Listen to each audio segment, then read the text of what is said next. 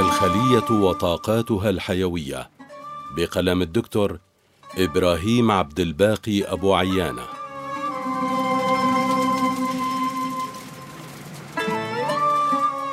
عندما تمكن بميكروسكوبه المركب ملاحظة وجود بعض التقسيمات المنتظمة في رقائق الفلين أطلق على تلك الصناديق الصغيرة اسم خلايا سيلز.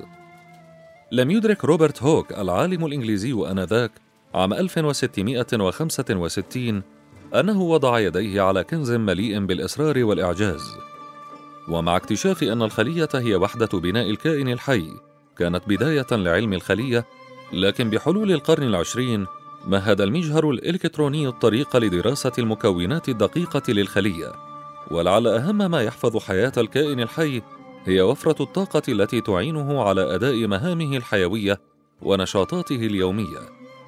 فكيف تدير الخلية المجهرية شؤون الطاقة داخلها؟ إن للخلية الحية استراتيجية غاية في الدقة والترشيد، فهي لا تلجأ إلى حرق جميع وقودها دفعة واحدة، مثل ما يحدث في حرق أي مادة عضوية هيدروكربونية، حيث ستبدد الطاقة وتتحول المادة العضوية إلى مركبات ثانوية لا قيمة لها فماذا تفعل الخلية وهي لا تحتاج إلى كل هذه الطاقة الناتجة عن حرق الوقود داخلها. إنها تلجأ إلى سلسلة من تفاعلات الأكسدة التي تضمن لها حرق الوقود بداخلها على دفعات.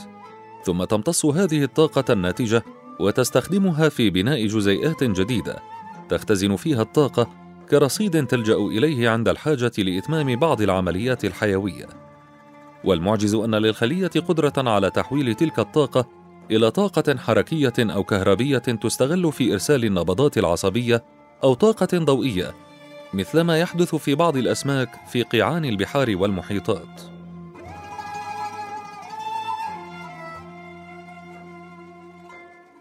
مخالفة قانون الديناميكا الحرارية. الكائن الحي في حالة نوم دائم لذا فعمليات البناء والتركيب في الخلية مستمرة ويعني ذلك ازدياد الطاقة الناتجة وعدم تناقصها. مخالفا بذلك قوانين الديناميكيا الحرارية ثيرموداينامكس التي تقضي بضرورة تضاؤل الطاقة تدريجيا مع مرور الوقت كما في حالة احتراق المواد العضوية. وبذلك تتميز الأنظمة الحية عما يحيط بها من مخلوقات. محطة القوى الرئيسية في الخلية. لا تأخذك الدهشة عندما تعلم أن جسيما خلويا لم يكتشف إلى نهاية القرن الثامن عشر على يد العالمين فيلمينغ وبيندا عام 1897 وحدد على أنه مركز الطاقة في الخلية عام 1940 ضئيل للغاية. عرضه 0.51 ميكرون وطوله من 10 إلى 12 ميكرونا. عظيم الشأن يسمى الميتوكوندريا. هو الآلة الجزيئية المسؤولة عن توليد الطاقة واختزانها في الكائن الحي. وكلما زاد نشاط الخلايا وتخصصها، زاد محتواها من الميتوكوندريا والعكس. ففي خلايا الكبد تمثل الميتوكوندريا 20% من وزن الخلية، وعند تكبيرها 240 ألف مرة تحت ميكروسكوب خاص، وجد أنها تتركب من جدار رقيق جدا يحيط بفراغ داخلي يحتوي على سائل هلامي شبه شفاف. يحتوي على أغلب الأنزيمات اللازمة لإتمام دورة حمض الستريك التي تنطلق فيها الطاقة. ويتركب الجدار من غشائين رقيقين يتكونان من جزيئات البروتين. يفصل بينهما فراغ رقيق.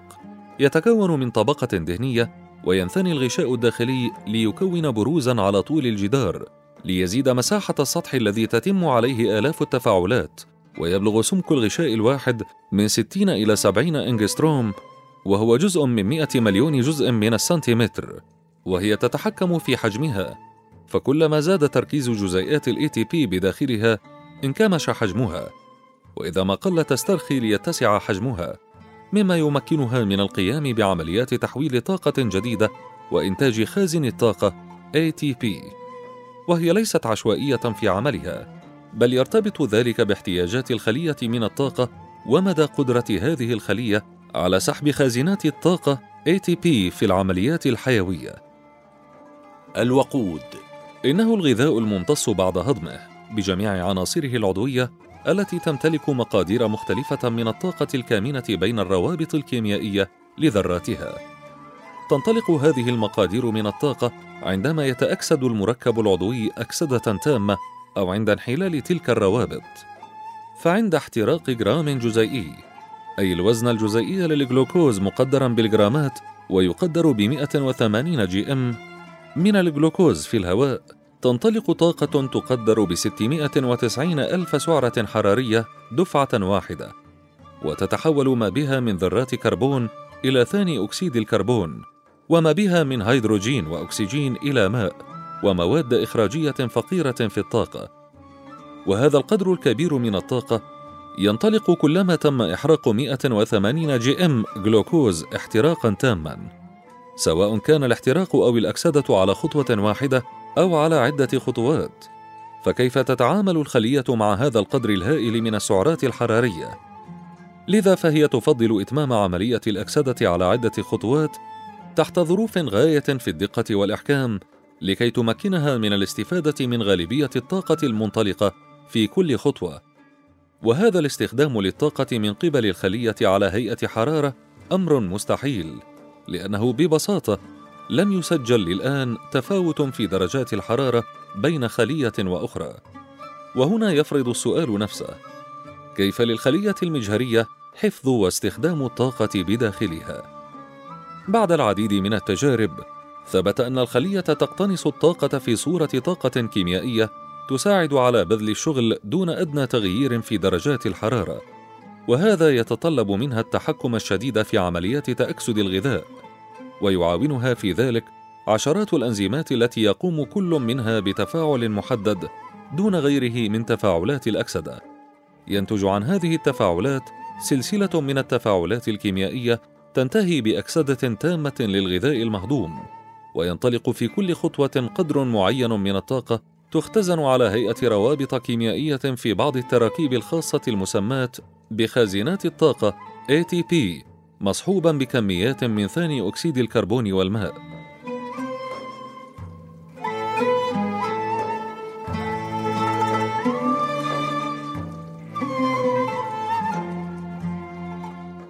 أكسدة الجلوكوز. تشكل الخلية في أكسدة الجلوكوز تفاعلات شديدة التعقيد دام الكشف عنها عشرات السنين. نمر عليها دون أن نلج في التفاصيل حيث يتأكسد الجلوكوز عبر دورتين متداخلتين. هما دورة حمض البيروفيك ودورة كريبس. وفي كل خطوة من سلاسل التفاعلات الطويلة بهاتين الدورتين ينطلق قدر من الطاقة تستغل في تكوين جزيئات عالية الطاقة ATP حيث تتحد أيونات الفوسفات مع إحدى القواعد العضوية المحتوية على النيتروجين والتي ترتبط بدورها بجزء سكر لتعطي جزء ATP الذي يحتوي على روابط عالية الطاقة بين مجموعات الفوسفات. ويمكنها إنفاق هذه الطاقة عند الطلب للقيام بنشاط عضلي ما فتفقد مجموعة فوسفات وتتحول إلى مركب ثنائي الفوسفات ADP الذي يمكنه الارتباط بمجموعة فوسفات أخرى مكونة جزء ATP من جديد. إن عملية تحول هذه الطاقة في الخلية الحية تتم بكفاءة عالية تتفوق كثيرا على كفاءة مثل هذه التحولات في معظم الآلات المعروفة. وقد يدعو ذلك للاندهاش وسرعان ما تزول تلك الدهشة عندما نعلم أن أكسدة جزء من الجلوكوز يعطي عند أكسدته أكسدة كاملة إلى ثاني أكسيد الكربون والماء قدرا من الطاقة يكفي لتحويل 38 جزيئا ADP إلى 38 جزيئا ATP وذلك عن طريق اتحادهم مع 38 مجموعة فوسفات. وإذا علمنا أن تحويل جزء ADP إلى جزء ATP يحتاج إلى 1200 سعرة حرارية وعليه فتحويل 38 جزءا ADP يحتاج إلى 38 ضرب 1200 وهو يساوي 456 ألف سعرة. وبما أن الأكسدة الكاملة لجزء الجلوكوز تعطي 690 ألف سعرة فإن هذا يعني أن تكوين 38 جزءا من ATP بأكسدة جزء واحد من الجلوكوز يتسبب في استرجاع نحو 66% من الطاقة الكلية الناتجة. وهذا معناه أن الخلية عند أكسدتها لجزء الجلوكوز فإنها تتم ذلك بعناية فائقة. فلا تضيع أي جزء من الطاقة الناتجة. وعندما تخزن 66% منها فإنها بذلك تفوق الآلات الحديثة. فمثلا الآلات المتحركة بالبخار لا تستطيع أن تحول أكثر من 38% من الطاقة إلى عمل مفيد. وهذا يؤكد الكفاءة العالية التي تدير بها الخلية الحية عملياتها المختلفة. وهنا تتجلى عظمة الخالق عز وجل في تمييز الأنظمة الحية عن الجوامد ويعد الدهن من أهم مصادر الطاقة لدى الخلية الحية وله تركيب عام يتمثل في ارتباط الجليسيرين بثلاث وحدات من الحمض الدهني قد تكون مختلفة أو من نفس النوع والحمض الدهني هو الذي تستخدمه الخلية في إنتاج الطاقة ويتركب الحمض الدهني من مجموعة كاربوكسيل COOH وسلسلة هيدروكربونية. ولقد اكتشف العلماء أسلوب الخلية في أكسدة الحمض الدهني للحصول على الطاقة بعد جهد مضن ووجدوا أن تلك العملية تتم في خطوات متناسقة متناغمة. يتم في كل خطوة استقطاع ذرتين من الكربون بشرط أن تكون إحداهما ذرة مجموعة الكربوكسيل والمجاورة لها. وبذلك تقل ذرات الكربون ذرتين وتتحول ذرة الكربون الثالثة إلى مجموعة كربوكسيل. ثم يتم استقطاعها من المجموعة المجاورة لها. وهكذا تقل في كل خطوة ذرتان من الكربون حتى يتأكسد الحمض الدهني تماما متحولا إلى طاقة وثاني أكسيد الكربون وماء. فلو افترضنا أن التفاعل بدأ في حمض دهني ثمان ذرات يتحول بعد الخطوة الأولى لحمض دهني ست ذرات ثم إلى حمض دهني أربع ذرات وهكذا. وتتم عملية أكسدة الأحماض الدهنية بالخلية بمساعدة الميتوكوندريا وما بها من أنزيمات متخصصة.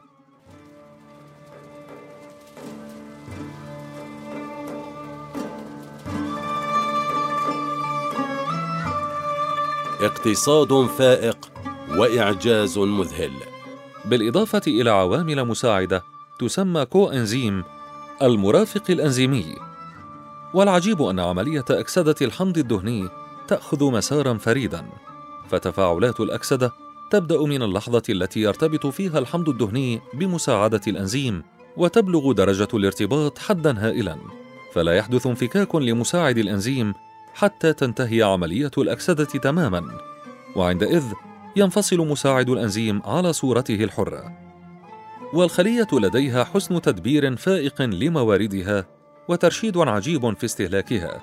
فبالإضافة إلى ما سبق في هذا السياق فإنها تستهلك خزانات الطاقة ATP في إنتاج مساعد الإنزيم ولذا فهي تحسن استخدامه. فبمجرد ارتباط مساعد الإنزيم بالحمض الدهني لا يمكن فك هذا الارتباط إلا بعد انتهاء عملية الأكسدة تماماً. وهنا يتجلى الاقتصاد الفائق والترشيد الهائل الذي تمارسه الكائنات الحية في إدارة الطاقة. ولكن ما الفائدة التي تجنيها الخلية من أكسدة الأحماض الدهنية إذا كانت تنفق مقابلها أجزاء من خزانات الطاقة ATP وهنا يبرز مثال آخر في حسن إدارة الخلية للطاقة.